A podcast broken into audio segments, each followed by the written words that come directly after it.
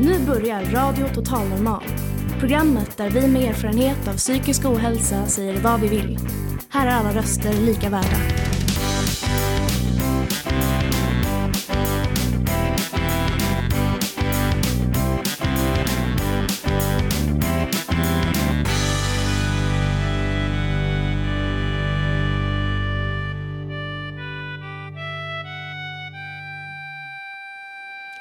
Hjärtligt välkomna till Radio Total Normal.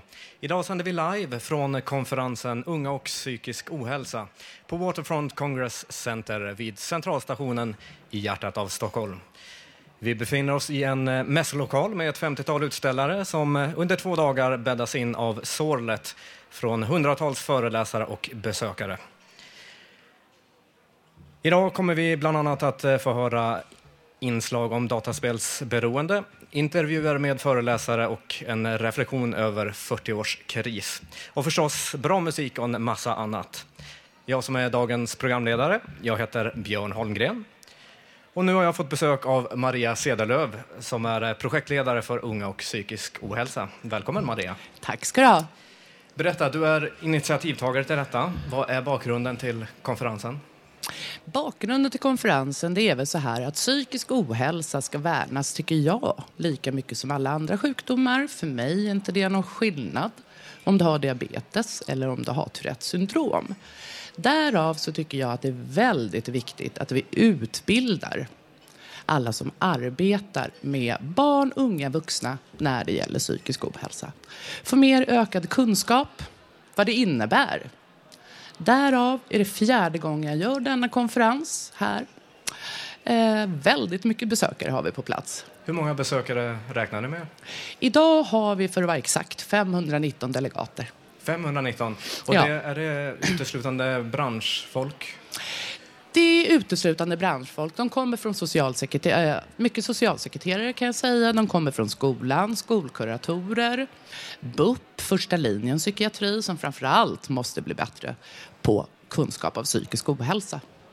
Och vad får du för någon respons på konferensen från deltagarna? Många kommer tillbaka. Det här är ju fjärde året som sagt, så de är återkommande.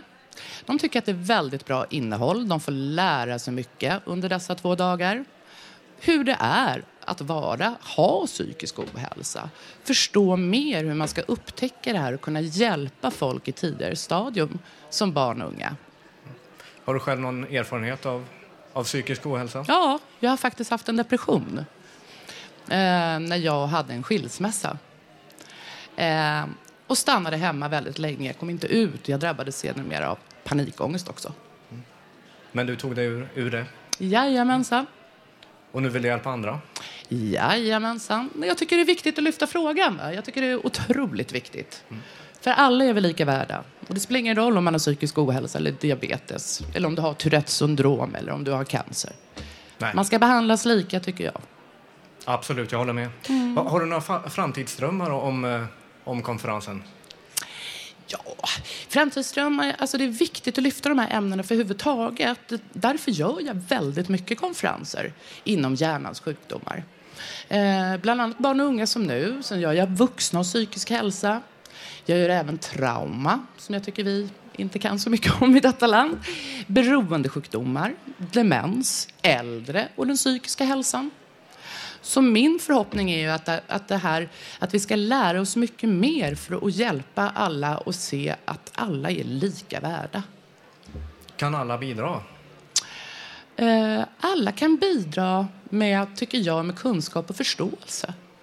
Som en vanlig medmänniska och förstå att psykisk ohälsa är ett växande problem i samhället idag. Och någon kommer alltid att drabbas. Alla har vi någon form av psykisk ohälsa. Absolut, jag håller med. Ja. Har du jobbat länge för, för att få ihop konferensen i år? Ja, det är ju så här att när dagen är slut kan man väl säga.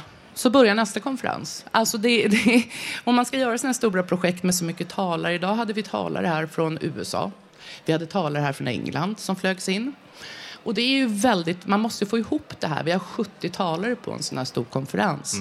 Så det tar ju minst ett halvår att sätta ett program som även ska kunna locka alla besökare också. Absolut. Hur tänker ni på spridningen mellan, eh, mellan föreläsarna? Är det olika kategorier, ämnesområden? Eller? Det är olika spår, mer inriktat på skolpersonal, skolkuratorer, skolpsykologer. Så att de ska lära sig mer det de har mindre kunskap om. Sen är det ett spår som riktar sig till BUP-personal, ett som riktar sig till socialtjänsten och ett som riktar sig till första linjen psykiatri. Berätta, första linjens psykiatri, vad innebär det? Det innebär ju så att vårdcentraler, ungdomsmottagningar har inte så mycket kunskap tyvärr om eh, när man träffar personer. Bara för att man har ont i magen så innebär inte det att det, det kan vara magen det är fel på. Utan man kanske har dålig sömn, man kanske har ångest, man vill inte prata om det, man kanske inte har föräldrar som lyssnar på dig. Eh, man vet inte var man ska vända sig, det är tabubelagt att prata om med kompisar.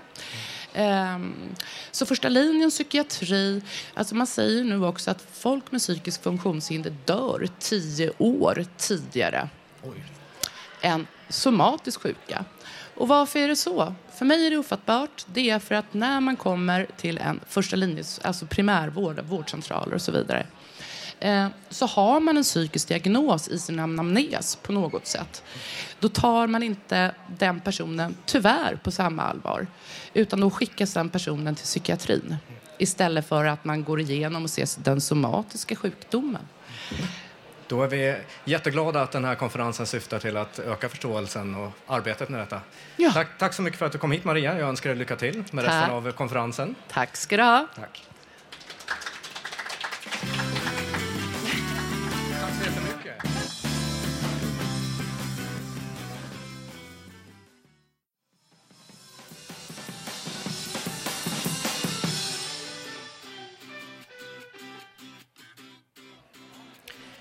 Du lyssnar på Radio Total Normal i Stockholms närradio, 101,1 MHz. Idag sänder vi direkt från konferensen för unga och psykisk ohälsa på Waterfront Congress Center mitt i Stockholm. Konferensen bjuder på ett stort antal spännande föreläsare. Bland dessa finns Annika Brar som är psykiater och chef inom habiliteringen för verksamheter som tar emot personer med autism, Asperger och ADHD i Stockholm. Vi ska nu få höra en intervju med Annika om medicinering vid dessa diagnoser gjord av Tobias Torvid. Det finns ju medicin som minskar symptomen vid ADHD. Det finns det ju inte vid autism eller Aspergers syndrom till exempel, men just vid ADHD så finns det som en möjlighet, som en av flera olika behandlingsmöjligheter kan man säga. Eh, och det finns eh, ett par olika eh, läkemedelsgrupper som man har använt under många år, i alla fall den största gruppen, som handlar om, om centralstimulerande läkemedel i låg dos. Och det har använts under ja, 50 år på den här indikationen ungefär. Så finns det också en nyare grupp av mediciner som inte är centralstimulerande eller, eller narkotikaklassade. Eh, så det finns lite olika möjligheter för de som behöver och för de som vill prova medicin. Ja, Annika, hur dyrt är det med medicin? Är det någon klassfråga det här eller får man det gratis någonstans? Eller vad, vad tror du om det? Och det där är jätteintressant. Just nu i dagarna har det varit en del skriverier om att man, att man funderar på att ta bort läkemedelssubventioner för vuxna med ADHD. Jag vet inte om du har hört talas om det? Nej. Nej. Eh, det har varit på, på radio här i, häromdagen och det har stått tidningsartiklar också. Eh, man har ju sett att förskrivningen, när det här just gäller vuxna, eh, så har man sett att förskrivningen har ökat väldigt mycket under de senaste åren. Och det är drygt 30 000 vuxna tror jag nu som får medicin. Och det har ökat med flera hundra procent. Vilket ju beror på att för ett antal år sedan så känner man inte till ADHD hos vuxna. Men det här har såklart blivit ganska dyrt för samhället. Så nu funderar man på att dra in subventionen. Men hur kommer det att drabba de som har ADHD? Det är ju inte världens mest penningstarka grupp heller. Så jag tycker det är jätteallvarligt att man överhuvudtaget överväger det. Eh, och sen när man ser kostnaden för medicin och ställer den emot den samhällskostnad som det innebär att inte kunna jobba, att behöva massa stöd i olika sammanhang, att kanske vara sjukskriven under långa perioder, att kanske få psykiska pålagringar, psykiska sjukdomar, hamna i missbruk som en del gör, hamna i kriminalitet. Det kostar verkligen pengar. Så att läkemedelskostnaden är en, en ja, det är ingenting jämfört med de andra kostnaderna som innebär att ha en obehandlad ADHD. Det stämmer. Oj, det är jätteviktigt verkligen att vi tar tag i det här. Så att, eh, det är bra. Jag hoppas att de som eh, beslutar om sånt här lyssnar på oss nu lyssna på det här inslaget för det är jätteviktigt att, att ta inte bort subventionen helt enkelt. Eller hur? Ha kvar den. Absolut, och det vet jag att Attention hon kommer att, och, eller de håller på med ett, eh, och skriver om det här just idag, om just den här frågan. För det är jätteviktigt att man lyssnar på intresseorganisationerna och på folk som har de här erfarenheterna själva. Det ska man alltid göra. Det är de människorna som vet bäst. Exakt, så lyssna på dem. Men vad härligt Annika, ja, jag får tacka än en gång så otroligt mycket. Har du någonting annat du vill rekommendera, bara som en slutkaramell? I intervjun. jag har skrivit en jättespännande bok tillsammans med tre intagna på Norrtäljeanstalten som heter Från busfrö till brottsling. De skriver själva om sina livshistorier, hur de har upplevt att få en diagnos och behandling väldigt sent i livet. Och den är spännande, den kan jag rekommendera. Vad härligt, ja men vad kul Annika, den ska vi läsa. Från busfrö till brottsling av Annika Brar med flera. Mm. Tobias Torvid och Annika Brar, tackar så mycket. Tack och lycka till. Tackar, hej då. Hej. Och nu har jag fått besök i studion av Tobias som ni hörde i intervjun. Varmt välkommen. Tackar, tackar. Här är jag live, Tobias Torvid. Hejsan. Hej! Du ska berätta någonting, lite tankar. Ja, men precis Björn. Vi sa ju nu under, under reportaget här, visst låter hon trevlig? Ja, hon låter jättetrevlig. Ja, hon är jättetrevlig, Annika Bra. Hon är fantastiskt snäll. Och vi hade en underbar intervju. Och eh, jag utgick ju ifrån här, när jag började intervjun, med, från mig själv. Jag pratade med henne jätteöppet om min egen diagnos, ADHD, och hur jag blev medicinerad och behandlad i skolan. Och, så där. och Det var jättespännande. Hon kom med jättemånga bra tips och det känns som en riktigt lyckad intervju det där faktiskt. Att jag fick så mycket av den. Och hon gav mig faktiskt hennes böcker efteråt gratis. Jag fick ju dem. Så att det är jättekul. Jag har kollat lite i de böckerna och det var, de har varit jättehjälp, jättefina och jätteduktiga, duktiga, bra skrivna. Men det jag vill säga är att ja, det som, eh, vi pratade jättelänge i den här intervjun, den höll på säkert på i 30 minuter. Och då berättade jag då att eh, min egen erfarenhet, jag fick ADHD när jag var 17. I och med att eh, man började misstänka att jag hade det i skolan för att jag hade svårt att koncentrera mig och eh, upp, ha uppmärksamhet på det som hände. Så här, ja. Lite så. Och då fick jag den diagnosen då och då fick jag medicin, men den hjälpte inte mig alls. Och det är därför jag pratar med henne så mycket medicin, för att jag har haft så dåliga erfarenheter av det. Jag har, fått, eh, jag har faktiskt fått eh, hjärtklappning eh, och jag har mått väldigt, väldigt dåligt, så att jag har lagt ner det nu och tror inte så mycket på medicin längre. Så att, men det är för att jag har blivit ja, men felbehandlad och det, jag tycker det är så otroligt dåligt att det är så okunnigt, va? att de bara slussar den vidare och de, de håller på att ta bort subventioner här som det står. Att de, de respekterar inte, de tar inte det här på allvar. Och jag tycker det är jättetråkigt. Därför så tycker jag det är så bra att det hålls sådana här konferenser, att vi får vara här, att Radio Total Normal, årets närradio 2012, att vi får tala om det här, för jag tycker det är jätteviktigt. Och det är så personligt, det ligger mig så nära om hjärtat. Så att, eh, ja, jag, jag eh, kan verkligen gärna vara en, eh, någon som går i, i bräschen för det här. Jag kan vara pionjären här, eller ja, ansiktet utåt. Men det, det jag skulle säga var att ja, jag ville bara prata lite om, om, om det då. Hade inte direkt något mer planerat att säga. Men eh, om just medicineringen och skolan, att, att det är jätteviktiga frågor. Och jag tackar så mycket Annika Bra att hon ställde upp och eh, eh, läs gärna hennes böcker också. Från busförare till brottsling. Och där, där känner jag att jag kan relatera lite. Jag är inte kriminell, men det, det är lite, det är själva mentaliteten. Va? Att det, man inte blir behandlad som man borde. Har, har, du fått någon förändrad syn efter intervjun med Annika? Ja, absolut. Jag är villig att ge kanske, ja men så här, det en andra chans. För hon kom med jättemånga andra preparat. Eh, Eh, lite tips på det som jag kanske ska kolla upp och sen sa hon gå till en arbetsterapeut och jag har gått till jättemånga sådana tidigare men det har inte funkat riktigt. Men hon kom med några nya tips och några som hon rekommenderar och jag har förtroende för henne faktiskt. Jag fick något så här härligt förtroende för henne när jag pratade med henne. Så det var, det, ja men jag tror att jag, jag är villig att ge en andra chans för hon, hon har liksom jobbat på båda sidor va. Hon har både jobbat på den sidan där jag, som jag har mött som har inte varit så snäll och sen så har hon också jobbat med de här busfröna som hon skriver i sin bok till exempel. Ja, så att, nu måste jag runda av tyvärr Björn. Det var jättekul att stå här med dig. Men eh, tack för att jag fick berätta min historia och eh, det var jättekul att prata med Annika. Och jag, ska se fram, jag ser fram emot att gå runt här på konferensen här på Waterfront och, och prata och bara ta del av allt det bra. Och ni som, ni som inte är här, kom gärna hit. Om ni lyssnar, det här är direktsänt. Kom nu till konferensen. Det här är jätteviktigt och jättebra initiativ. Tack ska ni ha. Tack så jättemycket Tobias för att du berättade om dina tankar och intervjun. Tackar.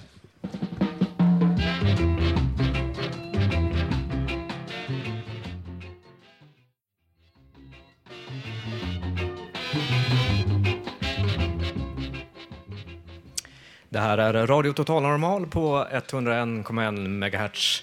Och vi konstaterar att eh, många barn och unga vuxna tillbringar flera timmar om dagen med att spela dator och tv-spel. Att eh, sitta inomhus och lägga stora delar av sin dag på spelande kan vara utmanande och kul, men det kan även leda till psykisk ohälsa. Glad vid datorn och ledsen i verkligheten. Om denna risk har Alexandra och Erik gjort följande reportage. Tjena, ursäkta. Spelar du något dataspel? Nej, inte ett enda. Vad, vad tycker du om folk som spelar spel då? Ja, jag vet inte. Alltså om man spelar för mycket så börjar man oroa sig. Alltså. Ja, vad, vad, vad, eh, vad skulle du säga är för mycket? Typ sådär uh, flera timmar om dagen. Det brukar jag köra ibland. Vad tycker du om det? jag vet inte. Tjena, eh, spelar du något dataspel? Nej, tv-spel spelar jag ibland. Ja, vad, vad kör du för spel då? Playstation? Eh, Fifa. Fifa, det sport. Vad, vad, vad tycker du om, är det, gillar du det? Alltså, jag har spelat mycket men det är kul när jag spelar, absolut. Inte så mycket. Vad, vad, tycker du? Man ska inte spela för mycket eller? Nej, vi har en gammal kompis som uh, flyttade till en småstad på grund av att han träffade en tjej med barn. Och fastnade i uh, WoW. Två år senare så blev han lämnad. För att han varken jobbade eller sökte jobb. Eller gjorde någonting hemma. Det blir att jag köper spel som en vanlig grej och att jag sen spelar dem. Det är något som triggas i hjärnan, som en elektronisk drog, som gör att jag kan spela i sex timmar. Jag känner inte av tid och rum längre. Jag har spelat mycket dataspel i perioder när jag har varit mer isolerad. Jag har förstått att jag är rätt så ovanlig som spelare fast jag är tjej. Det är ingen som vet hur många det är som är spelberoende. Men enligt Statens medieråd så spelar nio av tio svenska ungdomar idag någon form av dator eller tv-spel. Vi träffade Sven Rollenhagen som är socionom och specialist på dataspelsberoendefrågor för att höra hur det ser ut. När jag är ute och föreläser i skolor så får jag en bild av att nästan alla tonårskillar spelar mer eller mindre mycket datorspel. Och jag tror att det är ganska många av dem som också fastnar. Vi dataspelande, liksom vid andra beteendemönster som gambling och köpberoende, frisätts dopamin som gör att man vill fortsätta och fastnar, berättar Rollenhagen. Personer med lägre nivåer av dopamin, som till exempel vi med ADHD eller ADD, har möjligtvis ännu lättare att fastna. Hur ser du på sambandet mellan psykisk ohälsa och eh, dataspelande? Dels ska jag säga också att det finns förstås flyktspelande och då menar jag personer som exempelvis har eh, varit med om ett hemskt krig när de var små. Det kan finnas de som har ett eh, problem hemma i sin familj. Det kanske mammor och pappor som mår dåligt psykiskt eller har någon typ av missbruk. Och då brukar man kalla om ett så kallat flyktspelande, att man tycker att man mår bättre när man spelar därför att den spe, spelvärlden är mer förutsägbar. En annan aspekt är att man kan också bli eller må psykiskt väldigt dåligt om man spelar för mycket spel. Och då tänker jag dels på det faktum att när man spelar spel så är man oftast inomhus i mörka rum och man rör sig oftast fysiskt väldigt lite. Och det är en ganska bra grogrund tyvärr för depressioner. Det vill säga att serotoninnivån i kroppen går ner så pass kraftigt att du blir deppig och det blir nästan alla. Och då får man ett konstigt beteendemönster som jag brukar kalla lite slarvigt för glad vid datorn och ledsen utanför datorn. För jag tycker det, det har inte med monodepressivitet att göra i klassisk bemärkelse. Men man kan säga så att barn tyvärr mår väldigt dåligt när de inte spelar. För de som vill komma ur sitt beroende finns det fler och fler specialriktade mottagningar. Och Sven Rollenhagen har märkt en ökande ström av unga män som hör av sig för att de vill ha hjälp att minska sitt spelande eller att sluta. Det har oftast gått ganska långt så det kan vara att flickvänner har lämnat en, man har missat jobb, alltså man har fått sparken. Eller man kanske går på en fin eh, högskoleutbildning och sen är det risk att man inte får gå kvar där för att man har för låg närvaro. Och eh, överhuvudtaget att livet börjar fallera så pass mycket att det funkar inte längre. Och då, då är det självklart så att eh, det är extra positivt utifrån att man själv har upptäckt att det är ett bekymmer. För det är mycket lättare att hjälpa någon som är motiverad till att få hjälp. Men man kan också tänka sig att samhället förlorar stora summor på att unga människor tillbringar sina liv med att springa omkring på uppdrag i virtuella världar istället för i riktiga. Kanske skulle speltillverkarna kunna ta ett större ansvar eftersom spelen idag är konstruerade för att spelas mycket. Sven Rollenhagen. Kanske man kan, som finns i väldigt liten omfattning, in eh, belöningar för att man faktiskt gör annat. Det finns exempelvis ett Nintendo-spel där man eh, har byggt in en eh, stegräknare i den här lilla Nintendo-apparaten. Mm. då får man alltså pluspoäng som man kan använda i spelet om man rör sig mycket. Och fler av sådana lite djärva initiativ tror jag skulle behövas från spelbolagens sida.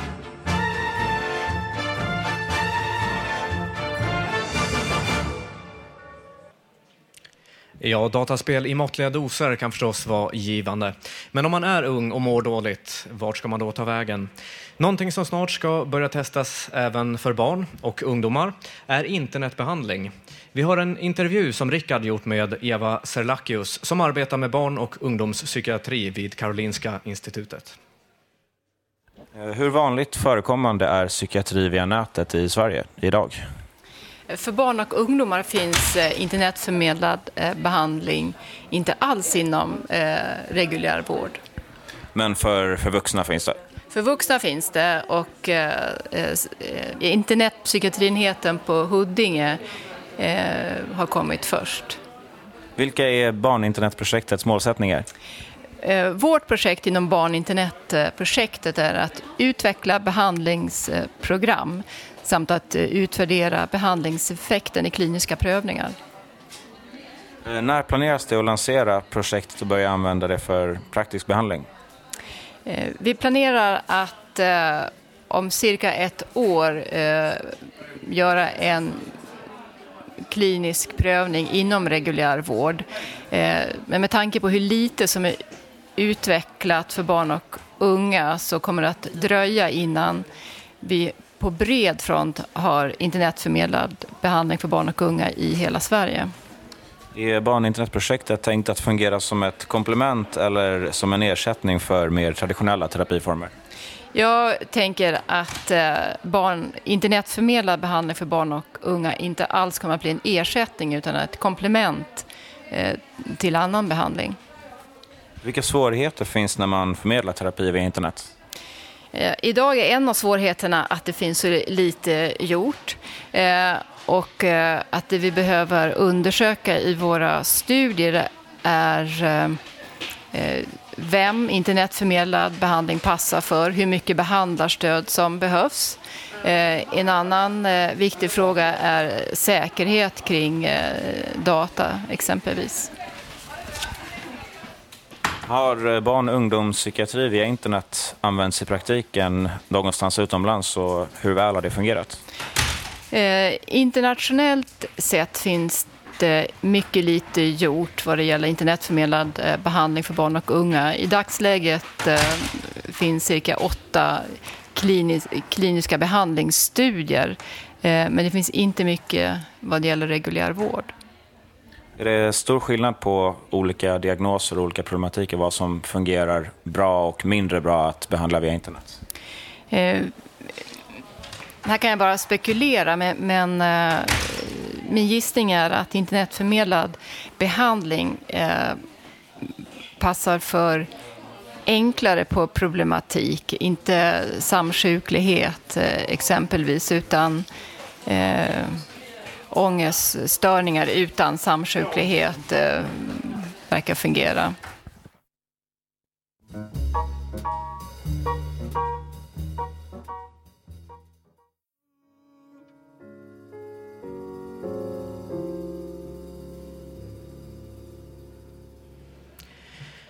Sorgligt nog är Sverige ett av de länder i världen som hamnar högst i självmordsstatistiken. År 2011 tog 299 personer i Stockholms län sina liv och av dessa var 20 ungdomar. 15 till 24 år. Skammen kring självmord är stor eftersom det finns många fördomar och stor okunskap. Och många anhöriga talar helst inte om det inträffade. Det gör däremot Mary och Milan vars syster tog sitt liv i somras och nu får vi ta del av deras berättelse. Det var ju såklart det absolut värsta beskedet att få någonsin. Eh, reaktionen var väl chock och förtvivlan. Och en enorm ledsenhet. Alltså, väldigt, väldigt ledsen var jag över att känslan av att inte ha gjort tillräckligt. Att ja, men det, det gick till slut inte ändå. Att hon orkade inte. Och det var en fruktansvärt jobbig känsla. Hur reagerar du? Ja, eh, ungefär som Mary beskrev det. Eh, väl, väldigt chockad blir man ju. Eh, någonstans så kanske, många kanske tänker att eh, ja, men ni visste ju att hon mådde dåligt och ni visste ju att hon var sjuk. Och det scenariot kanske ändå inte var helt otänkbart. Men Samtidigt så är det klart, det är otänkbart. För att någonstans som anhörig så ser man ju alltid bara hopp. Man vill och tror att allting kommer att bli bra. Så att, eh, ja, det är väldigt smärtsamt. Ehm, ja, jag tror man känner, eller jag känner väldigt smärta. Tyvärr är det ju så att man eh, tvingas att gå vidare. Man måste återgå till en så normal vardag som man bara kan vad gäller arbete och familjerelationer eller allt vad det är. Ehm, och det känslomässiga kommer väl ikapp lite grann men första tiden handlar väldigt mycket bara om att överleva.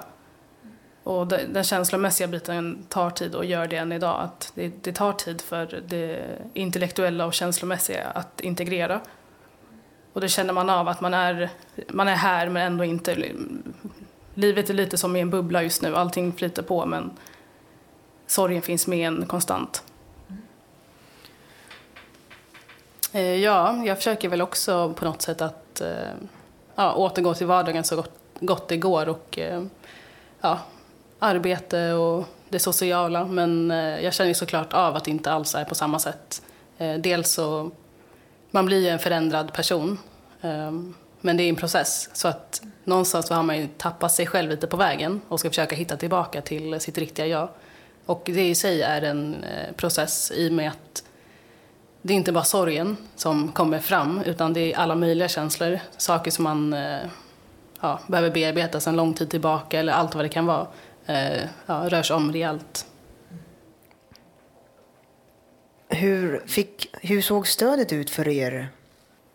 Stöd har vi fått från eh, nära vänner och släktingar och, och så. Men det märker man är väldigt tätt i början också när sorgen är eh, allra färskast.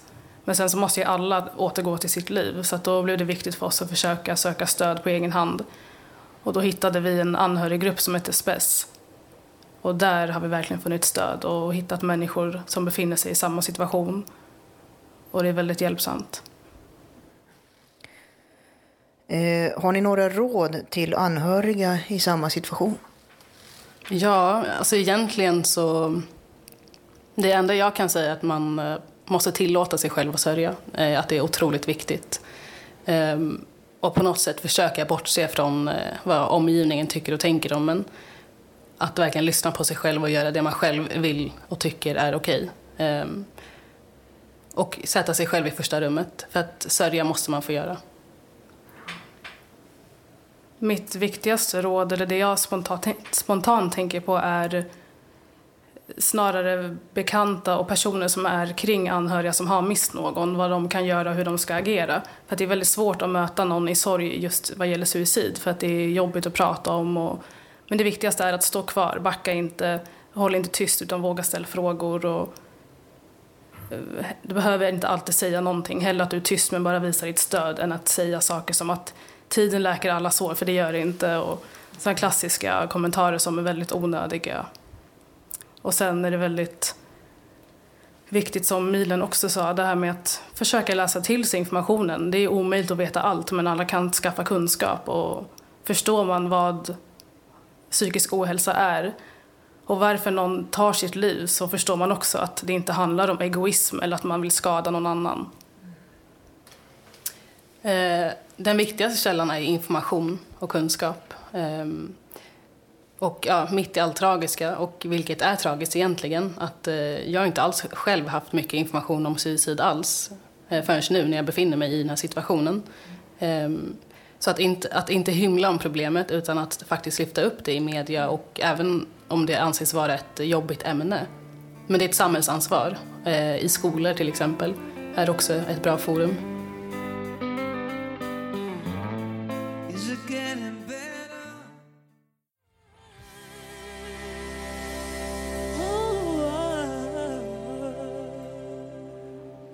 Och det här inslaget gjordes av vår reporter Susanna Skogberg. Ja, fastän antalet självmord minskar totalt sett märks ingen nedgång bland tjejer i åldern 15 till 24 år. Och för män i samma åldersgrupp är självmord fortfarande den vanligaste dödsorsaken. Vad kan man egentligen göra för att förhindra självmord? Här följer en intervju av Rickard med psykiater och psykoterapeut Daniel Frydman. Vilka nationella riktlinjer finns för behandling av unga i riskzonen för självmord? Socialstyrelsen har ju riktlinjer om eh, ungas ohälsa och om självmordsförebyggande arbete. Eh, och det är de nationella riktlinjerna. Och sen så bryts de ner i regionala vårdprogram eh, som ska finnas i varje landsting eh, som tillämpar de här riktlinjerna på det sätt som är lämpligt där. Och sen finns det lokala vårdprogram på de olika kliniker som finns. Som, och ibland använder klinikerna rakt av det regionala vårdprogrammet till exempel. Och ibland så gör man sin egen variant av det utifrån de resurser som man har. Okej, så det finns ganska mycket spelrum för att kunna anpassa vården Ja. till de lokala behoven? Ja, det gör det. Finns det någon utbildning för eh, lärare och skolpersonal i hur man ser varningstecken hos ungdomar som mår dåligt? Egentligen vet jag inte eh, någon särskild utbildning men, men jag talade ju här om föreningen Psykisk hälsa som på självmordsupplysningen eh, .se beskriver är just en sån utbildning om det som kallas första hjälpen i psykisk hälsa riktad till skolpersonal. Så, så det är i alla fall på G. Okej. Eh, vad rekommenderar du att man som anhörig eller vän gör om man misstänker att en person befinner sig i, i riskzonen? Man säger att man eh, har fått den sortens funderingar och undrar om den som man är orolig för eh, tänker sånt. Eh, och då är det ju möjligt att man får ett irriterat eller surt eller avvisande svar men man kan i alla fall ha hjälpt till. För att prata om det brukar vara nödvändigt. Och att fråga brukar vara till hjälp. Hur går man som terapeut tillväga när man bedömer risken för att en patient ska, ska ta sitt liv? Jag menar skillnaden på om en person har suicidala tankar eller om man, personen befinner sig i, i tanken att gen, genomföra det. Det borde inte vara någon skillnad på om jag är terapeut och ska göra eh, en bedömning vad jag tror om självmordsrisken hos en person eller om jag är psykiater eller någonting annat på en vanlig mottagning. Men, men riskbedömning som det kallas, det handlar ju om att fråga och ta reda på var tankarna ligger och hur det ser ut med önskningar och planer. Och det där är krångligt. Ibland har man inte tid, men ofta har man tid och då måste man i alla fall anstränga sig för att fråga på ett sätt som känns respektfullt och känna att man är trygg med svaren. Det går inte att göra en en manual för jag måste förstå vad den som jag frågar menar med det den säger. Sen kan jag använda mig av skattningsverktyg och sånt men jag måste ändå lita på att det jag hör är något som jag fattar mig på. Man får helt enkelt anpassa sig efter individ, från individ till individ hur man... Ja, det är jätteviktigt. Det är alltid jätteviktigt. Jag kan inte prata med dig och med någon annan på samma sätt. Och du kan inte prata med mig och någon annan på samma sätt. Så det måste vara en anpassning. Eh, vad anser du skulle vara bra åtgärder att göra för att minska antalet självmord bland unga? Det finns en sak som, som, jag, som jag vet inte kommer ske men som skulle minska risken och det är att förbjuda alkohol. Direkt så, alltså för att eh, alkohol eh, i kombination med att må psykiskt dåligt är en stark riskfaktor. Eh, men det kommer inte ske. Men Nej, det det, skulle vara, det skulle vara det bästa. Men om man tänker på verkligheten. Skolan är ju central för att barn upp till 15 eller 16 år går i skolan. Och en av de saker som är jätteviktig det är faktiskt att man ser till att ungarna kommer dit. Och sen att man ser till att det inte finns mobbing. För det är en väldigt, väldigt viktig sak. En hel del personer som blir mobbade kanske lider av annat också och har väldigt svårt att värja sig. Och det är skolans, det är de vuxnas uppgift. Att göra att jag har en självkänsla som är tillräckligt tillåtande för att jag ska klara av att vara i den där läskiga miljön. Till exempel. Eh, och sen att samhället är byggt på ett sådant sätt att det finns folk att vända sig till om jag är orolig. Ni lyssnar på Radio Total Normal 101,1 MHz som nu handlar om posttraumatiskt eh, stresssyndrom. Och jag har fått besök i studion av Carl-Göran Svedin. Carl-Göran som är professor i barn och eh, ungdomspsykiatri inriktad på barnmisshandel och sexuella övergrepp. Och under konferensen Unga och psykisk ohälsa föreläser om traumatisering och polytraumatisering. Välkommen till Radio Total Normal. Tack. Till att börja med, vad är ett trauma och vad, vad innebär traumatisering? Ja, man brukar prata, prata om händelser. Och, eh, alla händelser är inte traumatiserade för att det har att göra med hur vi upplever vad vi är med om. Men alltså traumatiserande händelser brukar man tänka på händelser som där man blir väldigt rädd, det är väldigt farligt, man känner sig hotad eller man är rädd för att dö och så vidare. Alltså det är en viss kaliber på det. Men det kan ju å andra sidan unga människor uppleva lite olika. Du kan uppleva det på ett sätt och jag på ett annat. Va? Så orsakerna kan vara väldigt individuella? Väldigt olika faktiskt. Va, du, du pratar om de här händelserna. Är det några specifika händelser som, som, som mer än andra kan utlösa trauman, som ni ser fler utav? Ja, alltså från min horisont så är det förstås det jag jobbar med och det är barn som eh, ja, har påtagliga besvär utifrån det de har varit med om. Och då blir det ju de mer traditionella som du kan läsa om i tidningar. Alltså, det är våld i familjen, man har själv blivit misshandlad antingen hemma eller på stan eller utsatt för sexuella övergrepp eller kombinationer av dessa. Men sen finns det ju en mängd andra. Vi har ju våra barn, ensamkommande flyktingar som kommer med sina upplevelser både från hemlandet och resan hit. Så att det, är väldigt mycket man kan råka ut för om man säger så. Märker ni en ökning av, av, av fall? Ja, alltså, och det är inte säkert att det är en ökning i sig men att det är också en större kunskap om det här området och kanske också en större vilja att eh, prata om det, vad man har varit med om, än tidigare. Mm. Och hur påverkar traumatiseringen den psykiska hälsan? Inte bra kan jag säga. Nej, men, du, vi, vi är ju alla olika. Så att vi kan ju reagera på väldigt olika sätt på samma händelse. Men det har att göra med också hur nära man är, vilken relation man har till kanske någon som har utsatts för någonting. Ehm, och vem man är som person. Då. En del är sårbarare än andra och en del är mer robusta och klarar ett, en sån här upplevelse bättre. Men väldigt många reagerar ju. Alltså om det är ett allvarligt trauma så reagerar man när det händer med stress. Alltså man får ett adrenalinpåslag med hjärtklappning, svettningar, ökad andningsfrekvens och man mår dåligt och blir nervös och stirrig.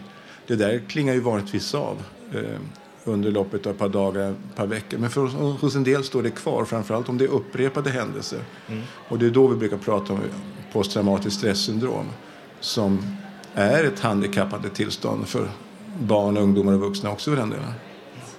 Men om, om orsakerna till det och eh, symptomen på det är väldigt olika från individ till individ, hur diagnostiserar ni? Ja, alltså det är ju eh, samtal. Eh, vi använder frågeformulär och sånt där för att försöka ringa in problemen. Och där har vi lärt oss och kom vi in på det här begreppet med polyviktimisering eller polytraumatisering. Att, att man måste fråga brett. För vi har ju sett det att barn kommer med remiss eller själva eller via barnahusen till en barnpsykiatrisk mottagning eh, för att man varit utsatt för sexuellt övergrepp. Men vår erfarenhet är att man varit utsatt för flera andra saker också. Så det är inte bara det som man egentligen behöver prata om utan man behöver ta en bred berätt, låta barnet berätta ganska brett egentligen om sin uppväxt och vad man har varit med om för att rätt förstå vilka symptom man har eller vilka besvär man har av det idag. Då innebär polytraumatisering att det finns flera olika orsaker bakom? Ja, man brukar antingen så är det att det är ett upprepat. Om vi tar till exempel sexuella övergrepp eller att man har blivit misshandlad i hemmet så kanske inte det bara skett en gång utan var tredje vecka kanske man får stryk hemma eller oregelbundet men väldigt många gånger. Då är det en form av polytraumatisering. Men det vi mest tänker på är att man är utsatt för olika saker. Så att man både blir misshandlad och på stan blir man stulen på mobiltelefonen eller nedslagen eller ja, you name it. Det finns många olika saker man kan råka ut för som ung människa idag. Och hur arbetar ni för att komma till rätta med, med problematiken så att säga? Ja, man kan säga att eh, har man efter en månads tid besvär av det man har varit med om så behöver man någon form av hjälp och det, det är faktiskt kort och gott att på ett strukturerat sätt och med vägledning prata om det man har varit med om. Man måste bearbeta det och få, få det att sätta sig och få plats för andra saker i livet helt enkelt. När det gäller just eh, barn och unga, ser ni några särskilda grupper i samhället som är eh, tydligt utsatta? Nej, man kan ju säga så här, det beror på vad man tittar på för typ av händelser. Eh, man kan säga att Bor man i en storstad så är man lite mer utsatt för vanlig brottslighet och även att bevittna brottslighet. Eh, bor man eh, bara med en av sina föräldrar eller inte hemma alls, och då kan man ju vara placerad men man kan ju bo av andra skäl hemifrån, så ökar risken också i stort sett man blir utsatt för alla möjliga olika händelser. Ehm, sen så är det förstås att de barn som kommer från andra länder, alltså ensamkommande flyktingbarn, de har ju med sitt i bagaget då som, som vi tror jag i Sverige vi har den här gamla attityden att bara man kommer till Sverige så blir allting bra. Men har man trauman med sig så behöver man eh, få hjälp med dem för att också få en bra anpassning till Sverige. Och där tror jag vi, vi är dåliga på att hjälpa många invandrare och flyktingbarn faktiskt. Hur får, hur får man dem att hitta till rätt instanser om man är flykting? Ja, då är nästa fråga. Jag kommer ju från barnpsykiatrin och jag tycker ju barnpsykiatrin sviker. Eh, I Sverige ska vi ha en diagnos för att få komma till barnpsykiatrin.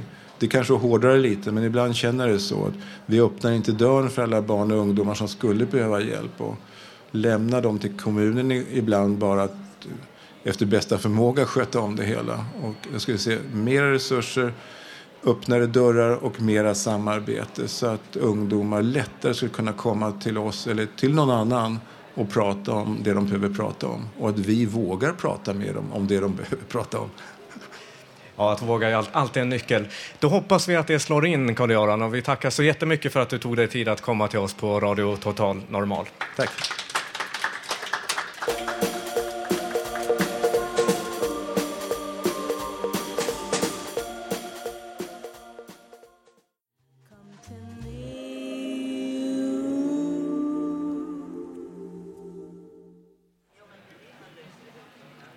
Välkomna tillbaka. Ni lyssnar på Radio Total Normal, programmet med de intressanta intervjuerna och djuplodande reportagen.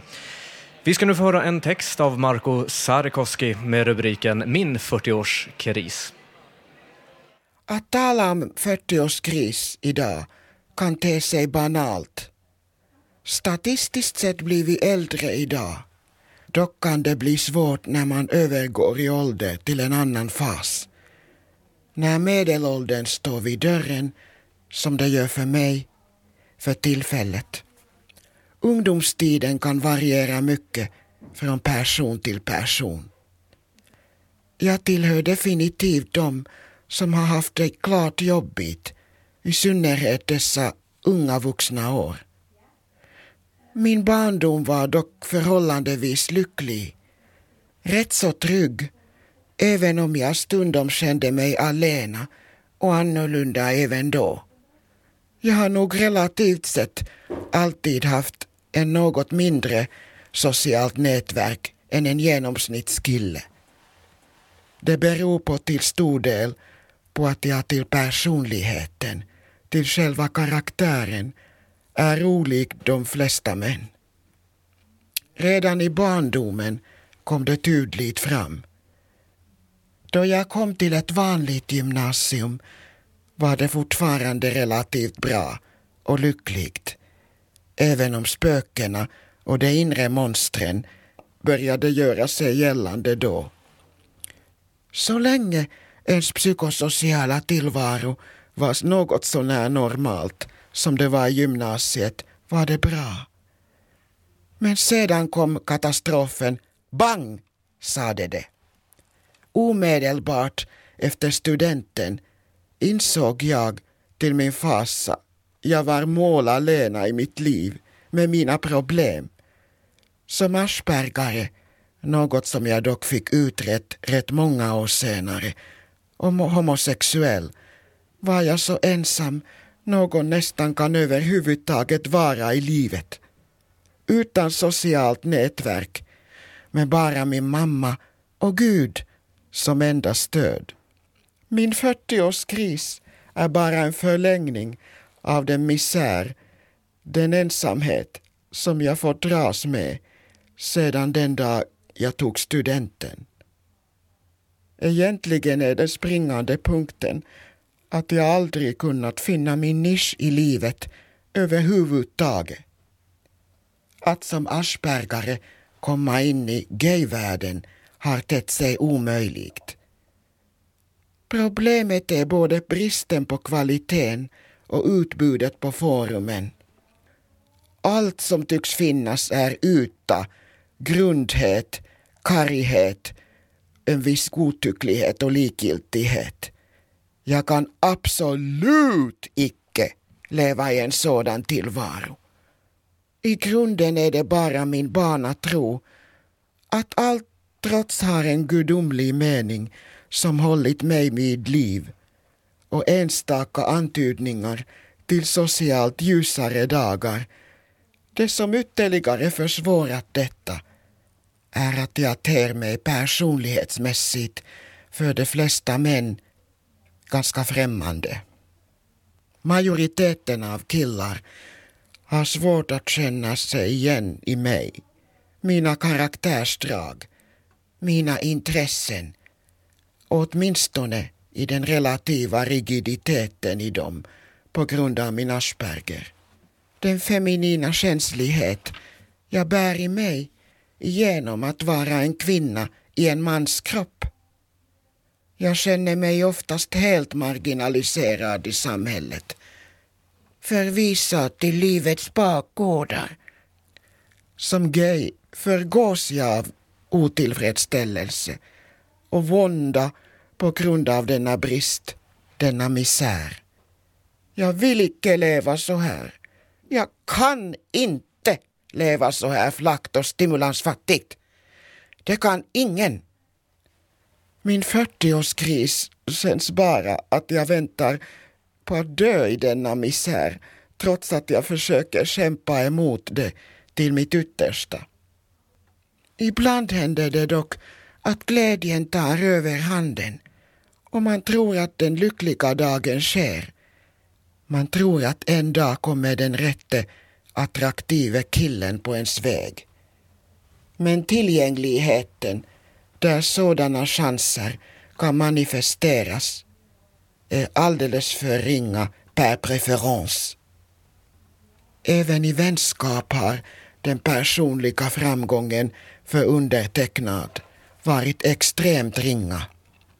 De få verkliga vänner som per definition passerat revy i mitt liv har varit så gott som undantagslöst flickor.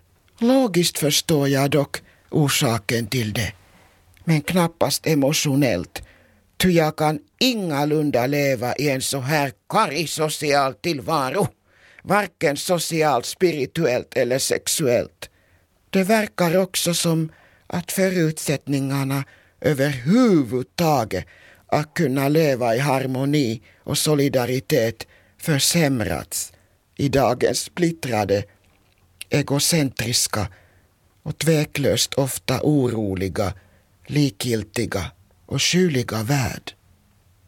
Folk som tillhör minoriteterna jämfört med det normala för dem blir resultatet i social aspekt katastrofalt.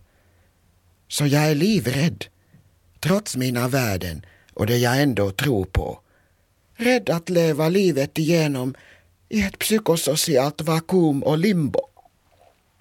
Att det på något sätt ska bli min död innan jag hunnit leva fullt ut överhuvudtaget. Jag tror på Guds kärlek och att alla har en uppgift att fylla i grunden.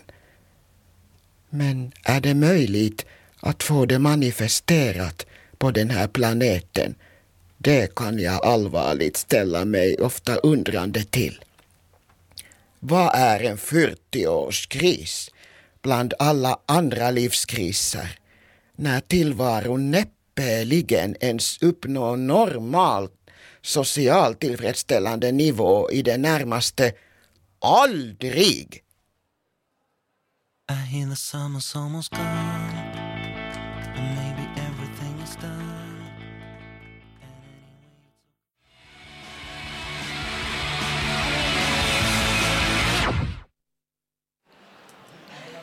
Vi tackar Marco så jättemycket för en jättefin och eh, självutlämnande poetisk eh, betraktelse.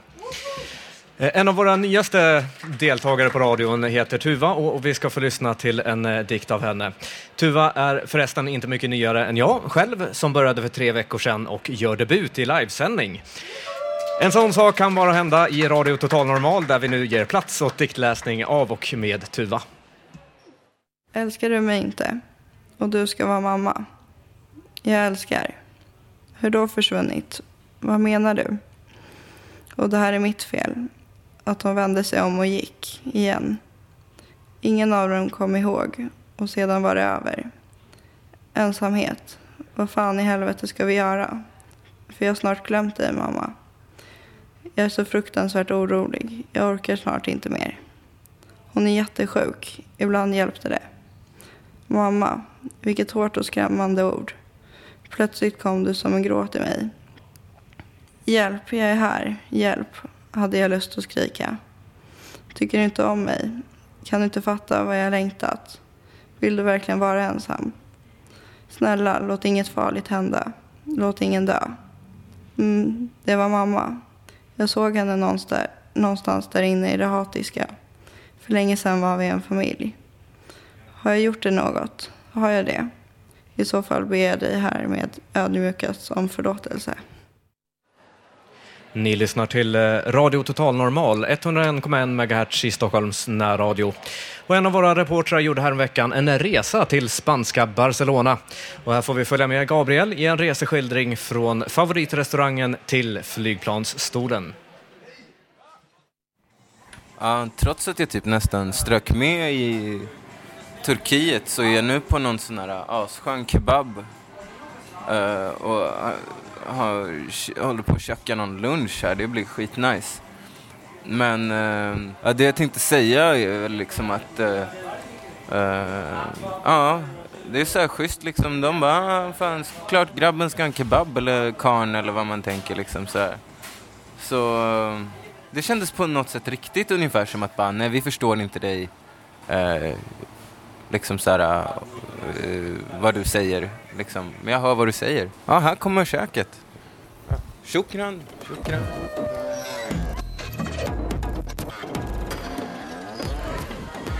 Um, nu har jag ätit någon slags middag. Och det var hur jäkla skönt som helst. Lite läskigt att jag satte i mig hela bara, men det kändes helt rätt på något vis. Och... Uh, Uh, alltså diskan på det här placet är typ såhär någon annan uh, våt dröm säger jag bara. Uh, alltså det är ju jag, fast en annan liksom. ja jävlar.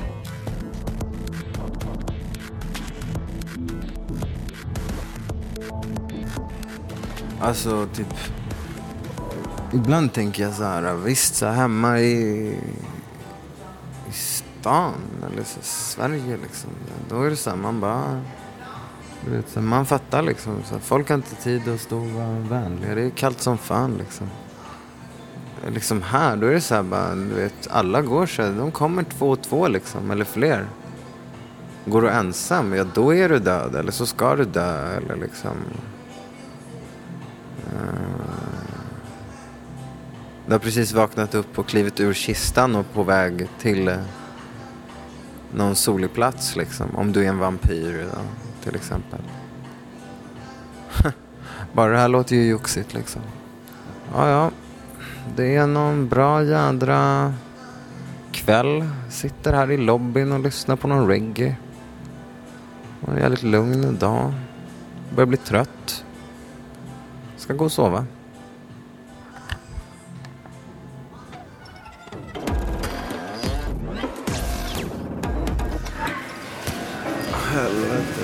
Tillbaka.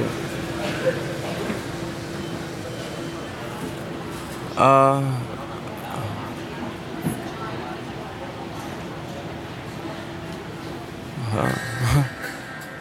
Ja, nu går flyget. Så jag ska på nu.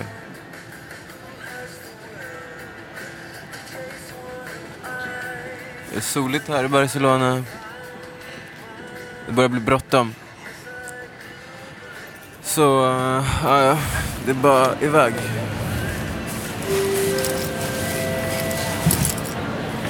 Buenos días, Ryanair FR 6348 con destino a Trevilla. Se cerrará en dos minutos en la puerta 31. Ingen betraktelse är den andra lik och alla är unika. Vi ska nu få höra ett inslag av Idamo och det är första delen av två om eh, hur det kan kännas när ens barn blir tvångsomhändertaget.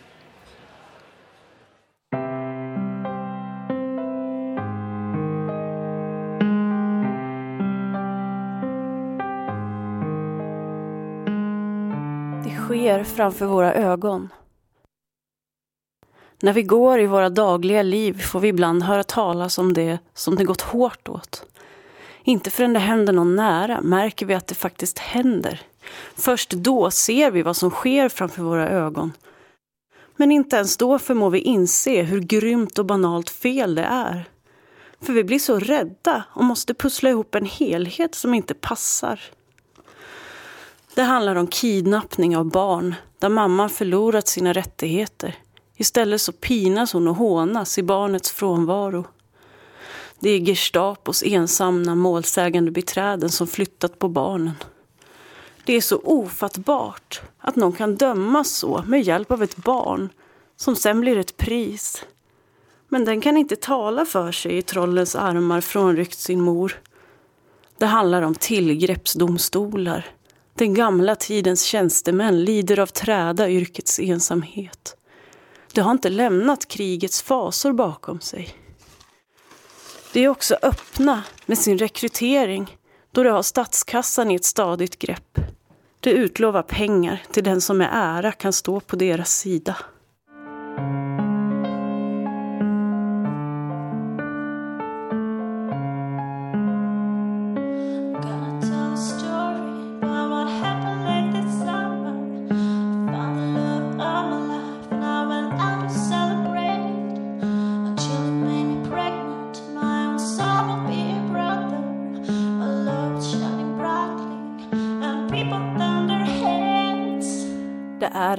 Främlingskap. Omgivningen möts prov på sina fördomar. De letar och finner kvickt förklaringar till den skuld som så illa med regelrätt skulle kunnat orsaka kidnappningen. Människor skapar symmetri i oordningen. Våra hjärnor finner den enklaste lösningen. Vill vi tro på en mänsklighet så banalt grym? Det är med trolöshet föräldern systematiskt stöts bort. I brist på ett medlidande så stort att bara en massa kan bära.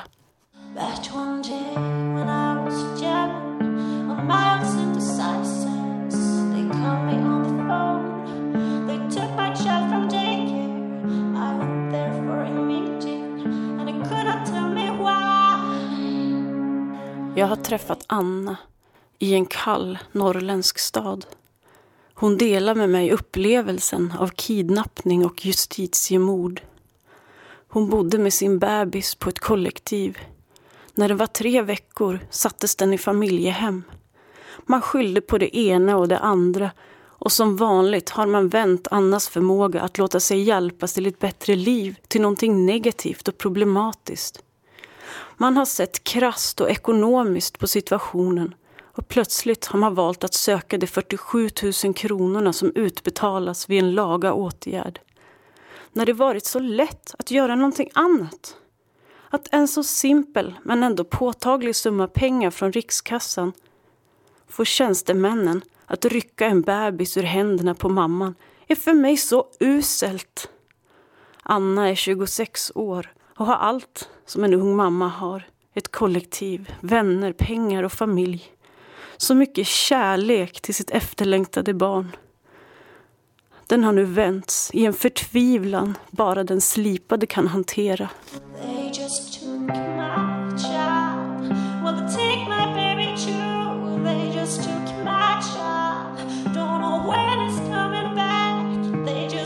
my child. Well, they take my baby too. They just took my child.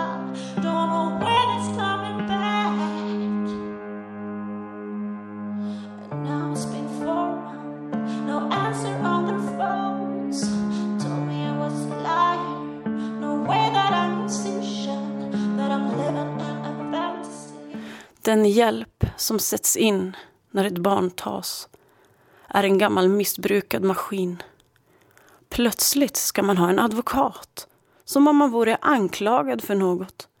När anklagelserna bara lyder att man är ansvarslös, dum, slarvig, oinformerad, efterbliven, outbildad, fattig, överkonsumerandes, orutinerad, eller avsaknandes daglig rutin eller sysselsättning.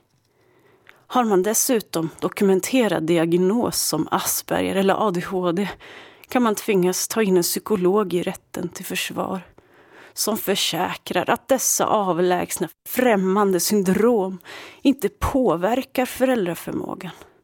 Men vem lyssnar? Man har antagligen redan fixerat problemlösningen i omgivningen vid ett urinprov och föreslagen medicin som ingen innerst inne vill äta. Men omgivningen vill ju hjälpa, förmana och vägleda. Men mot den ursinniga kärnladdning av förnedring finns ingen lindring.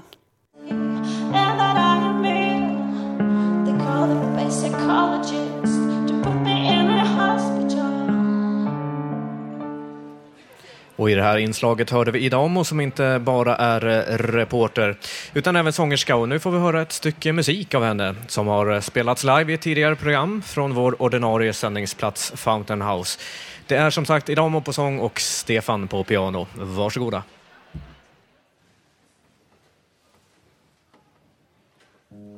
Oh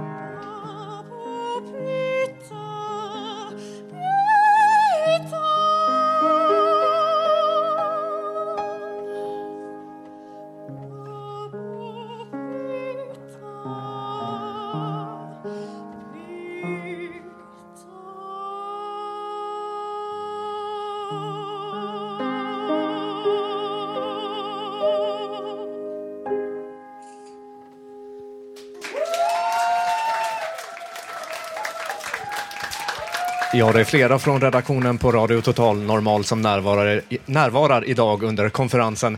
Jag har med mig Alexandra och Tobias. Vad tycker ni? Har, har dagen varit givande? Ja, det har den.